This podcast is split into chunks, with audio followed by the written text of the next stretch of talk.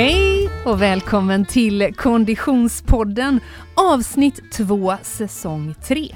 Jag som pratar heter Frida Zetterström och vid min sida nästan lite våt i håret. Hej Oskar Olsson! Hej Frida! Varför är du våt i håret? Jag har varit i klorbadet. Ja, följer man dig på Instagram och Instastory så är det väldigt mycket simning nu du. Jajamän! Och idag så har vi ämnet till ära haft eh, styrketräning i poolen. Mm. Eh, idrottsspecifikt, så mer om det sen. Spännande! Låt oss återkomma till dagens ämne alldeles strax. Vi är så glada att ha Storytel.se med ombord som poddpartner just nu. Och på Storytel så kan du lyssna på mer än 120 000 ljud eller e-böcker.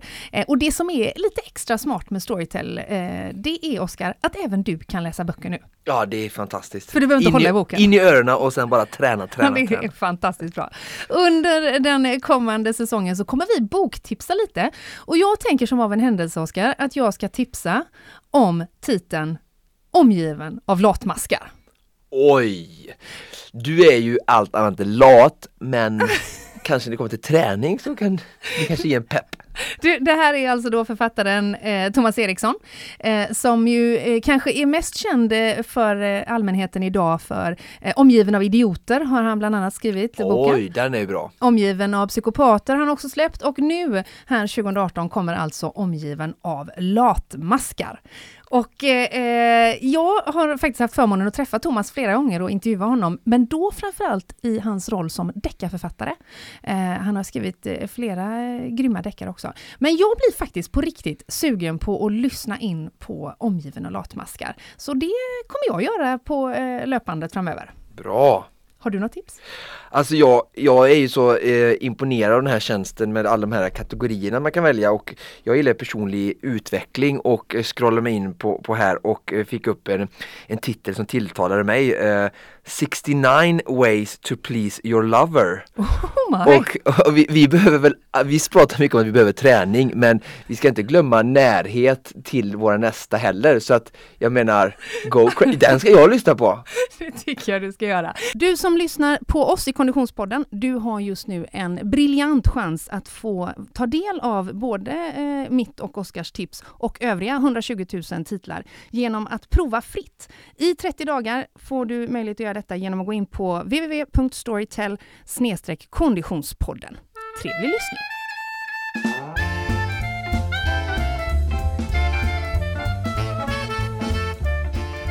Dagens ämne, Oskar, kommer faktiskt ifrån en lyssnarfråga. Det är oerhört kul att ni är så vakna och alerta där ute och hör av er på våra sociala mediekanaler. Vi heter ju Konditionspodden eh, på alla olika sociala medieforum och på Instagram, Oskar, så har vi fått in en fråga som faktiskt får sätta tonen för hela dagens program. Jag läser till. Gunder och gubbarna förr i tiden körde aldrig styrka.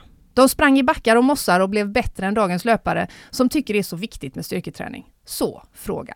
Vilken träningsvolym ska man ligga på som löpare för att avsätta tid för styrketräning? Om målet är att bli en bättre löpare. Exempelvis kan man bara träna tre timmar i veckan, ska en av dessa timmar då vara styrketräning? Vi ska alltså idag prata om Blir vi snabbare av styrketräning? Spännande. Oskar, om vi ska börja från början med detta ämne, vad är egentligen styrketräning? Bra fråga. Vi börjar från grunden. Eh, först skulle jag bara säga att styrketräning är bra, anser jag. Mhm. Nyttigt och bra för alla. För ungdomar, barn, för eh, vuxna, medelålders män och kvinnor och för våra seniorer, pensionärer. Mm. Så väldigt mycket positiva effekter.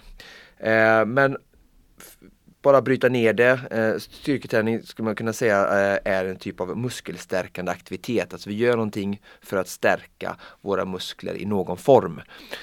Eh, så om vi har det som grundpelare och sen då titta lite på hur vi kan träna våran, våra muskler så är det framförallt då stärka dem, Mm. göra dem mer explosiva och sen göra dem uthålliga. Och eh, man brukar prata om tre stycken huvudsätt att hur muskeln arbetar. Och då har vi koncentrisk träning, eh, excentrisk och isometrisk. Koncentrisk, Excentrisk. Excentrisk. Excentrisk. Och, och man, ja, precis. man tränar liksom lite olika förmågor i muskeln men koncentrisk är ju när du, om du tänker att du har en hantel i handen Mm. eller en vattenflaska och så lyfter du den mot din axel. Då har du en kon- koncentrisk rörelse, en aktiv rörelse. Och sen när du tar ner flaskan igen Mm. då jobbar muskeln excentriskt så den håller emot. Denna träningsformen är lite tyngre för, för kroppen, då, den excentriska fasen. Och sen isometrisk träning då är ju statisk. Och Vi kommer komma in lite det mer sen när vi pratar om styrketräning för löpning men det är ju till exempel alltså en aktiv bål när vi springer för att ha en br- bra eh, hållning. Mm. Då, då, trän- då är det ju som isometriskt eh, statiskt då. Mm. Konstant kraft. Det går ju väldigt mycket trender inom även konditions eller även inom styrketräning tänker jag. Ehm, vi är ju trots allt en podd för konditionstränare framförallt. Absolut, Skulle man kunna uthållighetsidrottare. tänka när Mm. man såg namnet Konditionspodden. eh, ehm, men om vi ska titta på styrketräning då generellt för konditionsträning. Ja. Eh, många kanske frågar sig då, jag, jag, jag kan förstå det verkligen i, i många som håller på med uthållighetsidrott att varför ska jag göra detta? Eh, men Först och främst så kan man säga att den största vinningen är eh, anpassningar som sker i nervsystemet eh, i, i musklerna. Och eh, speciellt vid maximal styrketräning så är det, detta väldigt nyttigt då att man ser nervbana, rekryteringen, kopplingen mellan hjärna och muskel blir bättre då när man liksom använder, lägger på en tung belastning mot, om du jämför med den belastningen som du får bara rent av liksom ditt idrottsutövande då.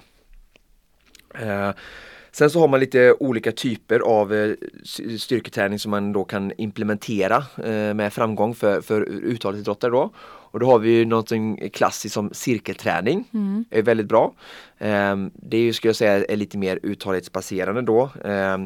Det är ju lite lättare vikter och man gör, jobbar med lite högre tempo och kortare vila. Du vet, har du säkert gjort det i gymnastiken när du var liten. Och Eller på gymmet faktiskt. eller på gymmet ja. faktiskt. Ja. Mm. Så det är absolut en, en väldigt bra typ sätt att få med hela kroppen och att eh, alltså använda som träningsform när man är konditionsidrottare.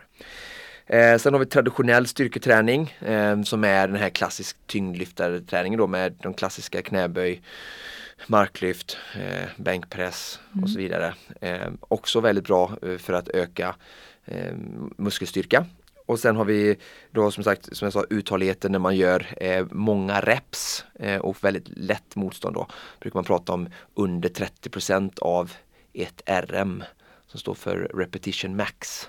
Alltså den absoluta det du kan max- orka. Ja, göra Ja. en gång, ja Just det. precis. Vad skulle du säga, 30 procent av Ja, det? ja, precis. Men, men finns det inte liksom en reflektion som skulle säga att man pratar om, om löparkropp till exempel och att man då, om man bygger mycket muskler, skulle kunna jobba emot eh, det? Absolut, Eh, jag ska försöka få komma in det lite när vi pratar om eh, styrketräning för löpare men det är helt riktigt, alltså det finns ju så, jag försöker ju täcka lite här om olika eh, synen, alltså olika aspekterna av styrketräning. Att det finns ju inte bara det här eh, uppfattningen kanske att styrketräning blir större, starkare och tyngre. Nej. Utan det är ju liksom att, att, att bli starkare i muskeln utan för den eh, sakens skull ha hypotrofi då som innebär muskeltillväxt. Det är två olika saker. Så så att muskeltillväxt, att muskeln växer och verkligen blir större, vilket ibland i vissa fall då kan bli bra. Det kan vara liksom väldigt nyttigt för cyklister då att, att få detta, att få en, en större benmuskel men framförallt absolut inte få jobba med muskel, styrketräning som gör, får större armar eller rygg på något sätt så. Eh, och sen då som sagt uthållig, styrketräning som ger uthållighet i muskeln kan vi också jobba med utan för den sakens skull att, att i, eh, blir tyngre för att som du sa, du sa du i löpning här då, det är ju absolut en, en viktbaserad sport ifall man ska prata ur prestationssyfte. Men innan vi går in på just eh, specifikt för löpare, så tänker jag när det kommer kunder till dig på konditionscentret, kan du liksom se så här, ja men här saknar vi styrka i vissa, vissa muskelgrupper specifikt som du då sätter in styrketräning? Ja absolut, eh, absolut. Och eh, eh, Alltså man ser när de rör på sig, när de gör de här idrottsspecifika eh, momenten då att de de tappar i höft eller de är klena i, i ben eller de kan stå och staka och man ser att benen inte riktigt bär dem. Mm. Eller att uh, ryggen inte riktigt, ofta en böjd rygg kan ibland bero på en, en, en, en svag core då. Mm, som jag, man ska jag, hålla upp ryggen. Ja, jag tänkte just på det att det är en, en av de liksom trendande träningsformerna inom styrketräning har ju varit core länge. Man pratar, det är också väldigt coolt ord, så man pratar mycket ja, om core ja, helt enkelt. Och jag minns sen min tid som gymnast att en, en av mina problem var att jag hade bristande bålstyrka vilket gjorde att jag drog mig runt i volter och annat med, med ryggen då. Mm. Eh, och där var det ju just styrketräning för eh, för mm. bål som var alltså, alltså Jag vill kalla bålen för liksom centrum av kraftutveckling. Mm. Alltså även om du gör en golfsving eller du gör ett spjutkast, om du cyklar, om du springer, om du simmar. Så liksom, det är den som stabiliserar hela liksom mittcentrat på din kropp. Mm. Så att om du ska få ett bra grepp i ditt vatten till exempel i ett simtag så behöver du ha en aktiv bål i detta. Och även när du springer så behöver du ha en stark core som håll, har, gör att du har en bra hållning. För att alla som håller på med löpteknik eller som är duktiga löpare vet att alltså en god hållning är extremt viktigt. Mm. Så, att, så att liksom, det är liksom, jag skulle säga att det är grunden i all idrott när det gäller alltså att utveckla kraft. Mm, jag har faktiskt en, min eh, 13-årige son som spelar golf eh, lite aktivt. Hans tränare eh, kör ju plankan med dem, eh, ja. avslutning varje pass. Men du, om vi tittar specifikt för löpare då, styrketräning för löpare. Ja. Eh, Bra, alltså först ska man kanske säga det att eh, vi kopplar, har ju den lite med oss där, där den här ehm, eh, spännande tittarfrågan som du läste upp. Ehm, eh, att ja, hur ska jag fördela min träning och så här och mm. Eh, det är fortfarande så att jag, jag, är, jag är fortfarande av den åsikten att man blir bra på det man tränar. Mm. Så, så, mängden, så mängden eh, huvud, alltså majoriteten av din träning som du kan lägga är ju eh, ska ju vara löpning. Men eh, och, och, frågan var, ja, jag har tre timmar, eh, eh vad ska jag ha? En timme styrketräning? Ja, precis. Ja. Alltså Styrketräning kommer göra dig starkare, bättre och framförallt skadefri. Mm. Så att har du tre timmar så spring tre timmar och sen lägg till en fjärde timme. Vilket Oskar Olsson-svar. ja, eh, men skämt åsido. Men det man absolut egentligen kan göra då för att ge ett annan typ av svar också är att eh, styrketräningen då i alla typer av idrotter eh, så som jag till exempel gör nu med mina grupper på eh, konditionscentret så är det så att jag periodiserar ju träningen. Vi kommer mm. prata om träningsplanering och eh, jag går in lite på periodisering hur vi lägger olika fokus på, på året. Och om man tittar just som jag pratade om innan här med den maximala styrketräningen när vi är ute efter neurala faktorer som ökar samspelet mellan hjärna och nerver och muskler. Det gör vi eh, eh, alltså långt ifrån tävlingssäsongen. Eh, och eh, mycket forskning nu då som, som visar verkligen den senaste forskningen här nu som jag läste en artikel igår från 2015 visar hur löpare verkligen kan dra nytta av detta och de har sagt att en slags minimum är två eh, gånger per vecka i ungefär 12 veckor för att få en, en bra grund och effekt. Mm. Så att då gör vi så svaret då, då, eller min rekommendation till er som lyssnar som kanske bara har tre timmar i veckan. Eh, då gör ni det 12 veckor så långt ifrån er tävlingssäsong som möjligt. Så ni har, ni börjar året, säger vi att vi kan ta för enkelhetens skull, nu är vi i oktober, ni har haft kanske lite säsongsvila. Två, tre, två till fyra veckor när ni har gjort lite, bara tagit det lugnt. Så börjar ni starta igång er träning och då börjar ni med minst en gärna kanske egentligen två gånger i veckan styrketräna med i alla fall 48 timmar minst emellan när man jobbar med maximal styrka. Eh, så två styrkepass eh, jag kommer komma in lite mer på, på typer av innehåll. Eh, och sen ett löppass. Så gör ni det under 12 veckor. Mm -hmm. Eller 10 kanske. Och ni kanske gör det i, vi kan säga att kör två gånger då minst i, i åtta veckor och sen sista fyra veckorna går ner till ett pass och sen så kör ni löpning två gånger. Och sen eh, ehm, så, så när vi närmar oss efter jul då, då har det gått de här veckorna, då, då lägger vi mer fokus på löpning och mer löpspecifik styrka i våra löppass. Och så kanske vi bara kompletterar med 10-15 eh, underhållsstyrka utan vikter och sådär då eh, under själva då löpsäsongen som är liksom uppbyggnadsperioden mot exempelvis eh, Göteborgsvarvet, Stockholm Marathon eh, under sommaren då när många har sin liksom tävlingssäsong. Men hur lägger du upp ett sånt, vi behöver inte gå in i detalj på hur du lägger upp hela träningspasset styrkemässigt, men kör du, du kör någon form av konditionsuppvärmning i alla fall, eller går du bara in direkt från ingenting och börjar? Eh, alltså man ska värma upp eh, specifikt för det man ska göra. Är det cykling så ska du värma upp de musklerna. Alltså, mm. Ska du göra till exempel marklyft, knäböj som, så, så gör knäböj utan vikt, gör marklyft utan vikt och värm upp och förbered kroppen för det. Eh, men om vi, alltså, om vi tittar lite olika typer av, då av, av eh, eh, styrketräning för löpare. Så, så det jag pratar om, om, om eh, det man kan gå över till sen då närmare tävlingssäsongen är funktionell styrketräning. Mm. Och jag undrar ibland om människor Alltså folk har nog hört det ordet så här, funktionell Yeah. styrketräning. Ja. Och så här, men men vad, vad, vad är det? Mm. Eh, och då skulle jag vilja eh, beskriva det som att en löpare som tränar löplikt de bedriver funktionell styrketräning. Alltså En löpare som tränar löplikt. Ja, styrketränar löplikt. Ja, just det. Alltså aktivera den typen av eh, muskler som man gör Ja. under löpning. Mm. För att om du tänker på löpning hur det är uppbyggt eller hur det ser ut så, så belastar man ett ben i taget. Mm. Så att för att få det löplikt då så blir det funktionell löpstyrketräning eh, när man ha, jobbar med ett ben i taget även på gymmet. Och eh, sen om man kollar på även då planka eh, som också liknar arbetsmässigt löpning genom att det är en aktiv bål när du, när du använder plankan så påminner detta om löpningen positionsmässigt för att du har en rak eh, hållning med din kropp. Mm. Hur länge ska man stå i plankan? Ja, precis. eh, 90 sekunder tycker jag är ett bra eh, mål för den otränade i början. Att ha. Mm. Det, det är en bra grundnivå. Sen eh, är det så, bara öva på. Det är ju väldigt bra och trevligt eh, sätt att eh, bedriva tv framför tvn. eller vad som är. Trevligt sätt. Eh, ja och sen så som sagt det vi pratar om nu då eh, när vi har långt ifrån är ju den här då, tunga eh, och maximala styrkan. Och då är det ju tunga vikter, eh, gärna eh, alltså mellan 3 till 6, 8 reps eh, eller max 10 sekunders arbete. Eh, det verkligen jobbar eh, anaerobt och tungt. Ehm, och sen utöver det sen då så har vi uthålligstyrka och då har man 15 plus reps i alla fall. Så då är det mer liksom uthållighetsfokus.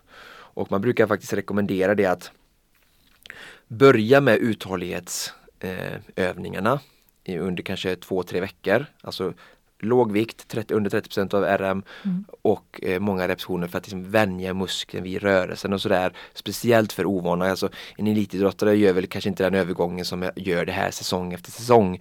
Men för er som lyssnar på detta nu och känner att ah, jag tränar, jag springer bra, jag cyklar bra, jag simmar kanske, jag gör det här, skidåkning men jag vill börja styrketräna. Ta det då som en lärdom att börja med liksom lite uthållighetsbaserad styrketräning först och den här cirkelträningen lite var inne på och sen eh, när du känner dig bekväm och kroppen har liksom adapterat så, så, så börjar med den här maximala styrkan då. Mm.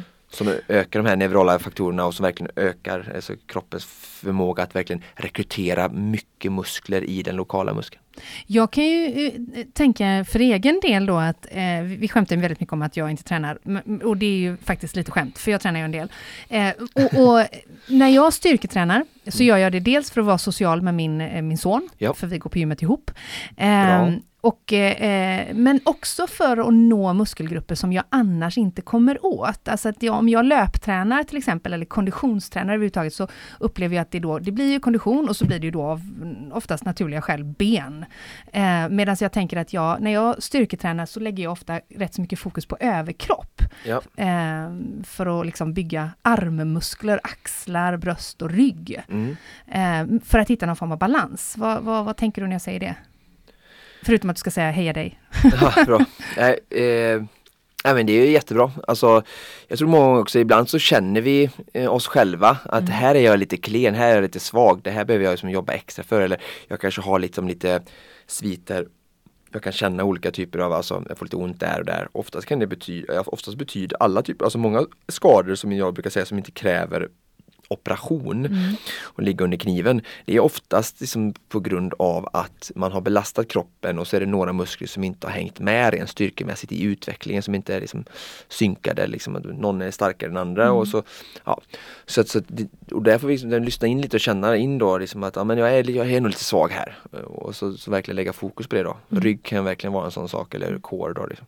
Ben är inte kanske riktigt lika samma för att vi går ganska mycket, står mycket så vi får ju ändå ganska bra träning om vi är hyfsat, om vi inte bara sitter liksom ner åtta timmar om dagen.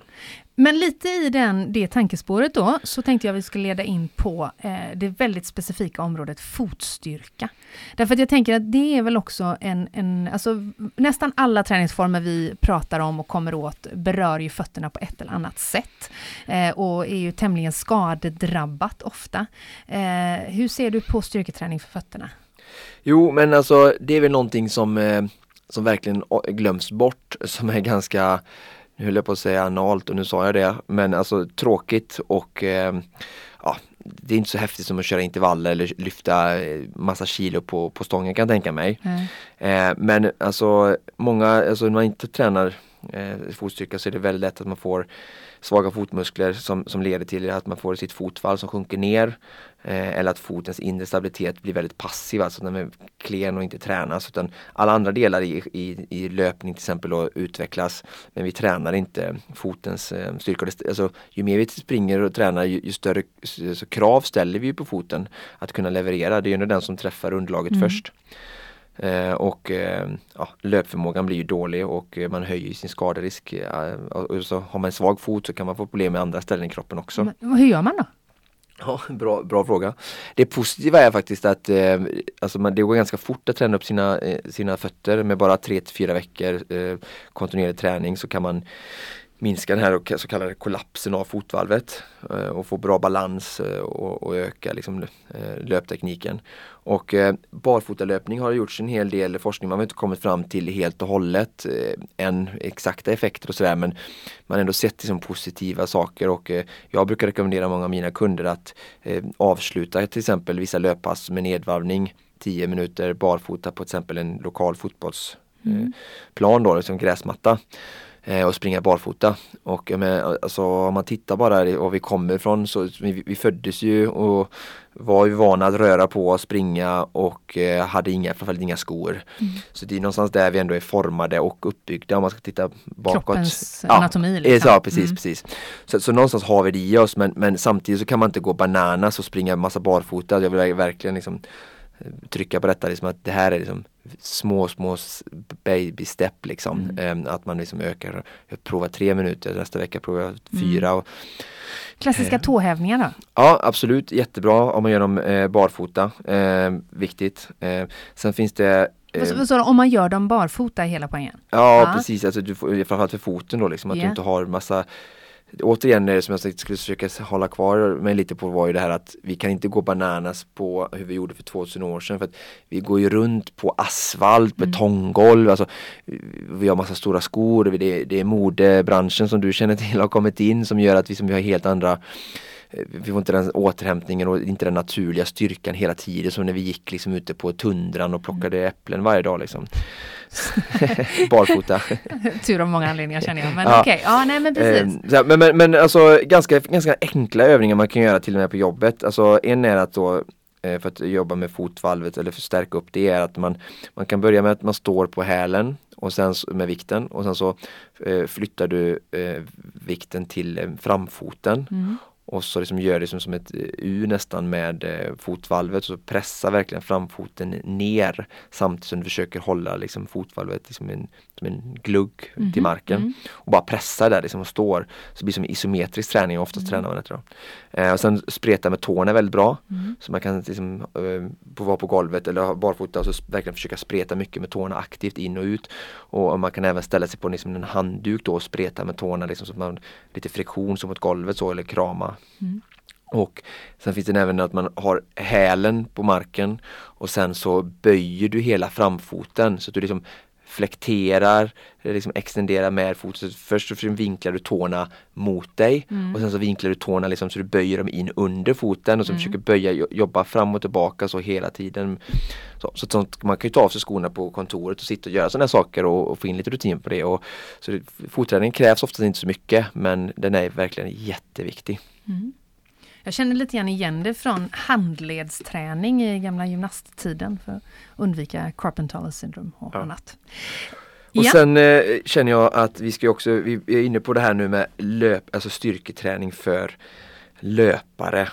Och eh, Alltså när vi gör övningar, vi pratade om tung styrketräning, så är det viktigt att man gör, man gör det tungt och man gör det, eh, man gör det snabbt ibland också. Och då har sett att på detta sätt så rekryterar vi mycket st alltså stora motoriska enheter eh, och som ökar vår hastighet och den här effekten är jätteviktig för vi har någonting som heter stretch shortening eh, i, i, för löpare då som mm. i, i hälsenan. Eh, och stretchshortningscykeln är ett fysiologiskt fenomen där energi lagras. Så att när vi, liksom, när i den excentriska fasen, när vi sätter ner foten så, så, lagras det och sen så frigörs den här energin i den koncentriska, alltså när vi skjuter ifrån mm. i löpsteget. Då. Så att då man tänker att man gör styrketräning som gynnar det här fenomenet som heter stretchshortning eh, så, så kan det alltså öka förmågan att, för senan att liksom, absorbera eh, den här kraften och, och, och, det blir, alltså, få ett bättre löpsteg. Det blir starkare, det blir mer explosivt och löpning är ju en explosiv liksom, eh, aktivitet då, att springa. Så att den här är, det, här, det här fenomenet skulle jag säga är nästan det viktigaste med att göra, jobba med styrketräning för eh, löpare. Och då kommer vi in på den eh, liksom godbiten här som ni verkligen ska ta med er. Alltså förutom maximal styrka så är det även plyometrisk styrketräning. Mm. Vi, vi ser, att vi varit inne på massa olika begrepp och, och ni får spåra tillbaka om ni inte hänger med. men det är därför alltså jag försöker ge den här nyanserade bilden idag, liksom att det är inte så lätt att säga ja, varför ska jag styrketräna? Jag ska ju springa bara. Och, och, liksom så, och så har man den här uppfattningen om att styrketräning är väl bara att man går på det här äh, liksom, kroppsbyggargymmet och, och lyfter tungt skrot. Liksom. Det är lite den uppfattningen vi har men styrketräning är så mycket mer och det är mm. det jag försöker liksom förmedla här. Och, alltså plyometrisk styrka eller man kan kalla det för spänst. Det är verkligen den viktigaste övningen liksom man kan göra och det, det är hopp hoppstyrka. Mm. Så det liksom innebär eh, alla typer av så här boxjump, eh, enbenshopp, eh, alltså alla den här typen av liksom hoppövningar där vi har den excentriska fasen då när vi får absorbera, när vi hoppar, i fasen, den viktigaste fasen är när vi hoppar ner från, från boxen. Då. Mm. Så att många löpare också, även jag vet eh, Musse som varit med i programmet innan och hur han tränar och sådär, han, han kör ju mycket populärt med hopprep. Mm. Eh, så. så det är också en väldigt alltså, en övning som de lägger in i sin styrketräning då liksom. Den är verkligen plyometrisk då, hopp och skutt och liksom hela tiden upp och ner, upp och ner. Och barfota om man är van och sen är man inte van så kanske man får börja med, med, med, med eh, skor och den går att göra med två ben och ett ben och sådär. Så plyometrisk styrketräning är en annan del av styrketräning som är verkligen jätteviktig eh, och som har vuxit jättemycket under löpning de senaste åren och man har sett vikten och, och effekten av detta verkligen. Mm. Om vi, känner vi att vi har ramat in styrketräning för löpare till viss del eller?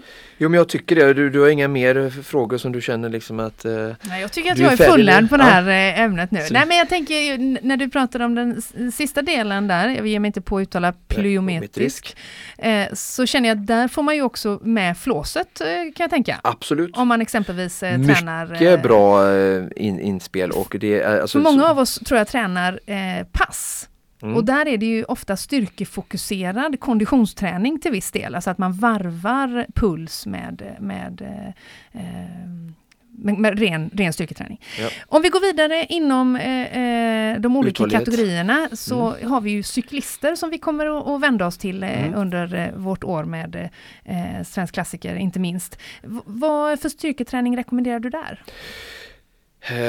Bra, alltså alla de här typerna av, av styrketräning som jag varit inne för löpare eh, går ändå på, på olika sätt med olika övningar att applicera i de flesta uthållighetsidrotter. Men i, i cykel så skulle jag säga att det man får mest eh, valuta för pengarna, eller på att säga med tiden, är det den maximala styrkan. Så där ser man cyklister som är eh, på hög nivå och som verkligen utvecklas mycket. De jobbar mycket med det här maximal styrka som jag sa. Alltså att mm. tung styrka, eh, eh, få repetitioner och lång vila. Och man har sett att den här maximala styrkan den kan styrka, göra att man liksom får en högre rörelsehastighet i sitt rundtramp. Och eh, om man tänker att din maximala styrka är att lyfta ett knäböj på 100 kilo men klarar du att höja den till 120 så är det mindre eh, energi du behöver använda för att kunna liksom leverera en viss effekt då, eller mm. watt som man säger i cykling då. Så den maximala styrkan där är eh, verkligen eh, viktig. Och sen har man även sett att jag pratade lite om att cyklister skulle kunna ha hjälp av att eh, utveckla eh, större benmuskler då. Alltså, mm. de, och det ser man ju också, många duktiga cyklister de kan ju se lite oproportionerliga ibland att man ser dem, deras handleder och underarmar och biceps är väldigt tunna för de lägger såklart med all rätt ingen fokus på det men de kan ha ganska, eh, vad ska jag säga, Eh, köttiga lår eller välutvecklade muskulära lår. Och, men när man får en höjd hypotrofi eller muskeltväxt i, i den lokala muskeln så ser man att eh, mängden av ATP och kreatinfosfat och enzymer, alltså de här sakerna som är med i energi, energiproduktionen ute i muskeln blir liksom större, det förrådet växer. Så att då blir också muskeln mer rustad till att, att utveckla mer effekt då, eller watt som man pratar om intressant på cykling. Så att maximala styrkan där är, är verkligen, och de har också pratat om eh, eh vad det har för typ positiva och negativa eh, påverkningar och det man kan säga är så här att eh, konditionsträning kan för en styrkelyftare ha negativ inverkan. Mm, visar liksom. Men styrketräning har aldrig haft någon negativ inverkan på prestationen på konditionsidrottare då. Mm. Intressant. Att, ja, ja, precis, så det är också väldigt viktigt att, att även om man inte, liksom, man behöver i alla fall inte vara orolig liksom att det, man bettar, om man inte tror på mig nu så bettar man fortfarande på ett ganska säkert liksom, häst liksom att du, har, du kan inte förlora liksom, du kan bara vinna. Det. Och det är ganska schysst deal liksom. Till skillnad från andra, andra vägen runt helt enkelt. Ja. Men du, eh, jag antar att för cyklister så även där är bollstyrkan eh, Absolut, viktiga. de sitter mycket och, och framförallt för tempocyklisten som vi kanske har där, där, där blir det ännu viktigare att eh, ha en stark bål när man ska kunna utveckla watt och många duktiga tempocyklister använder liksom kåren aktivt under själva liksom, tempocyklingen. Liksom. Mm. Men som sagt den statiska hållningen där är jätteviktig också för att kunna generera ut kraft i pedalerna.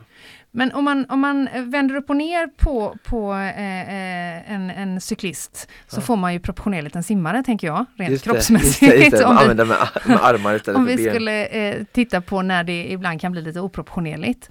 Eh, tittar man på, på simmare som bara är simmare så är det, kan man ju nästan kan man ju se dem på en halvmils avstånd. Mm. Eh, och där pratar vi ju verkligen muskelstyrka på överkropp. Absolut. Eh, hur, hur ser du på, på styrketräning för den konditionsinriktade simmaren?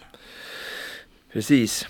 Eh, ja, motionärer får vi säga då, eller mm. de som vi, elitmotionärer som vi vänder oss till. Alltså det är klart, det, där är det överkroppen i, i huvudsak som, som jobbar eftersom det kanske är crawl som vi, vi pratar om, kanske inte så mycket bröstsim och sånt där. Eh, så är det såklart att eh, fokus är ju axlar, rygg och, och kåren också där då eh, för att liksom bli stark. Ehm, alltså det är väldigt mycket, det är oftast crawl blir väldigt stora påfrestningar av av, axl, eh, av axlarna. Liksom. Så att träna mycket styrka för axlarna. Man kan ha skift, alltså pushpress, militärpress där man upp. Jag brukar gilla en övning som eh, eh, man sitter på en pilatesboll och har axelpress mm -hmm. med fria vikter. Mm. Eh, också väldigt bra. Um, och sen tog jag ett axplock här bara för att man ska få en idé lite hur man kan träna överkroppen. Ehm, med, man kan göra armhävningar med TRX-band. Mm. Så att du stoppar i händerna i TRX-bandet, lutar dig framåt så du kanske har liksom, lutar dig mot golvet men du håller emot med mm. händerna. Mm. Så står du och gör armhävningar i luften då med TRX-banden mm. med mhm. fötterna på marken och så ungefär 45 grader vinkel på kroppen kanske då. Mm. Och Sen kan du göra en omvänt så du står och hänger i banden istället och så drar dig upp mot eh, bandet eller centrumet då och så jobbar du med ryggen istället. Chins, jättebra. Och sen har vi, finns det en, en ganska intressant eh, torrsimsövning som de kallar det för. Men du har en step-up-bräda, mm. kanske du har sett på dina eh, gympass? Ja, ja. faktiskt utbildad steppinstruktör vill jag bara lägga wow. till, eh, till handlingarna. Så du tänker du ställer stepbrädan på tvär, tvären och så lägger du dig med magen på mitten, liksom tre brädan så då har du liksom eh, ja, större delen av bak, så, benen och mm. eh, armarna i luften. Och så ligger du och jobbar eh, pendlande då med mm. ben och, och sånt så du får också en bra eh, ryggträning och specifikt för, för simning då.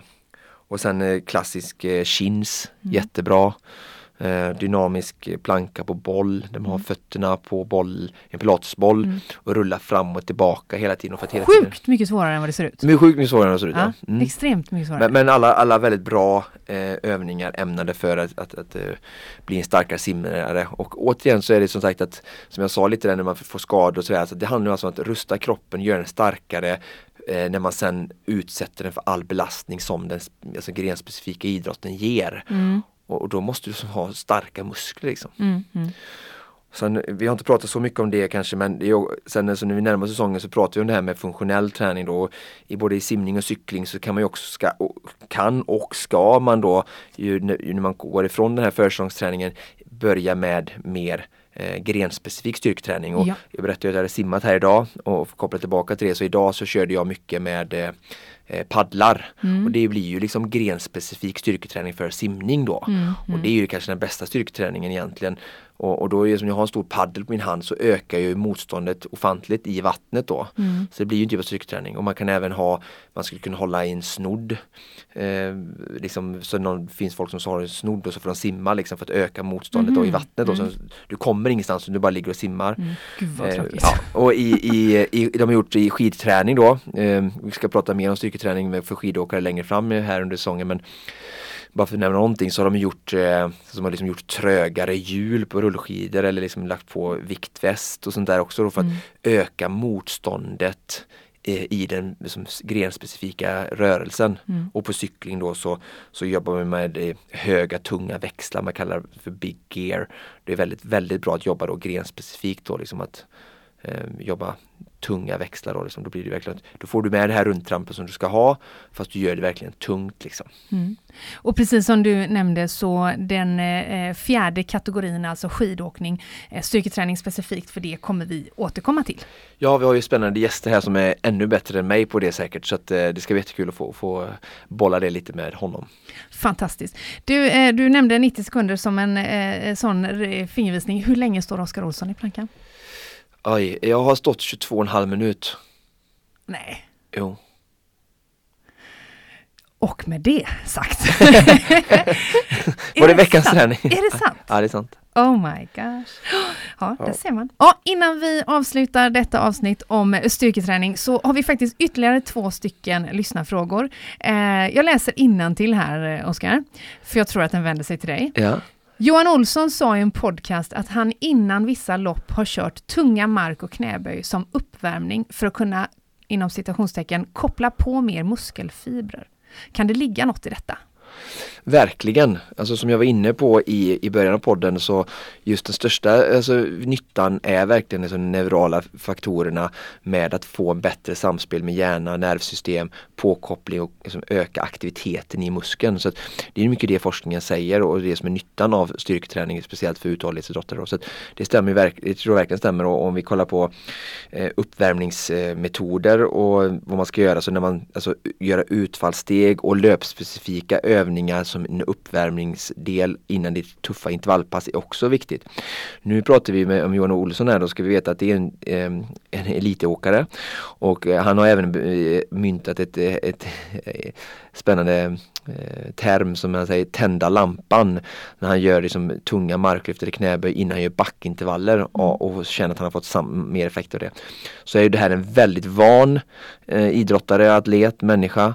Ehm, så att eh, ska man testa detta så, så får man ju vara väldigt försiktig och liksom se lite vad som funkar för sig själv. Men, men att öka tonus, rekrytering, aktivitet i den specifika muskeln innan en, en, en, eh, en tävling eller en maxprestation. Det är positivt. Så jag tror absolut det här kan funka. Sen så har vi inte tiden att gå in specifikt för hur, beroende på vilken individ det är. Men, för, men jag tror absolut resonemanget eh, funkar eh, och stämmer. Mm. Eh, och vi har ytterligare en eh, lyssnarfråga till här, Ja, eh, inskickad av eh, My First Iron Woman. Woman. ja, är mycket bra Instagramnamn måste jag säga. ja, Eh, den är väldigt kort och koncist. Kan man göra för mycket armhävningar? Nej, eh, det blev för svårt. Eh, jo, eh, man kan väl eh, göra för mycket av allt. Eh, armhävningar är ju en, en, alltså en väldigt eh, bra allround-övning. Den är lätt tillgänglig, precis som löpning eller träning, med fysikträning. Den Sen tränar både som rygg, armar, bröst, eh, core också. Ehm, så, så att den är väldigt bra träning att ha, alltså, ha med i som vi den här cirkelträningen eller i den här komplementerande underhållsträningen när vi har gått från gymmet. Sen om man kan göra för många, som sagt, ja, gör man för många så får man ont i axlarna och då får man lyssna på kroppen och så får man vila två dagar och sen kan man fortsätta igen. Så, De här frågorna kommer alltså till oss via Facebook och via Instagram. Vi heter Konditionspodden där och jag tror, Oskar, att inom kort kommer det där på Facebook finnas filmer på när du gör just de här eh, övningarna som vi har exemplifierat med idag.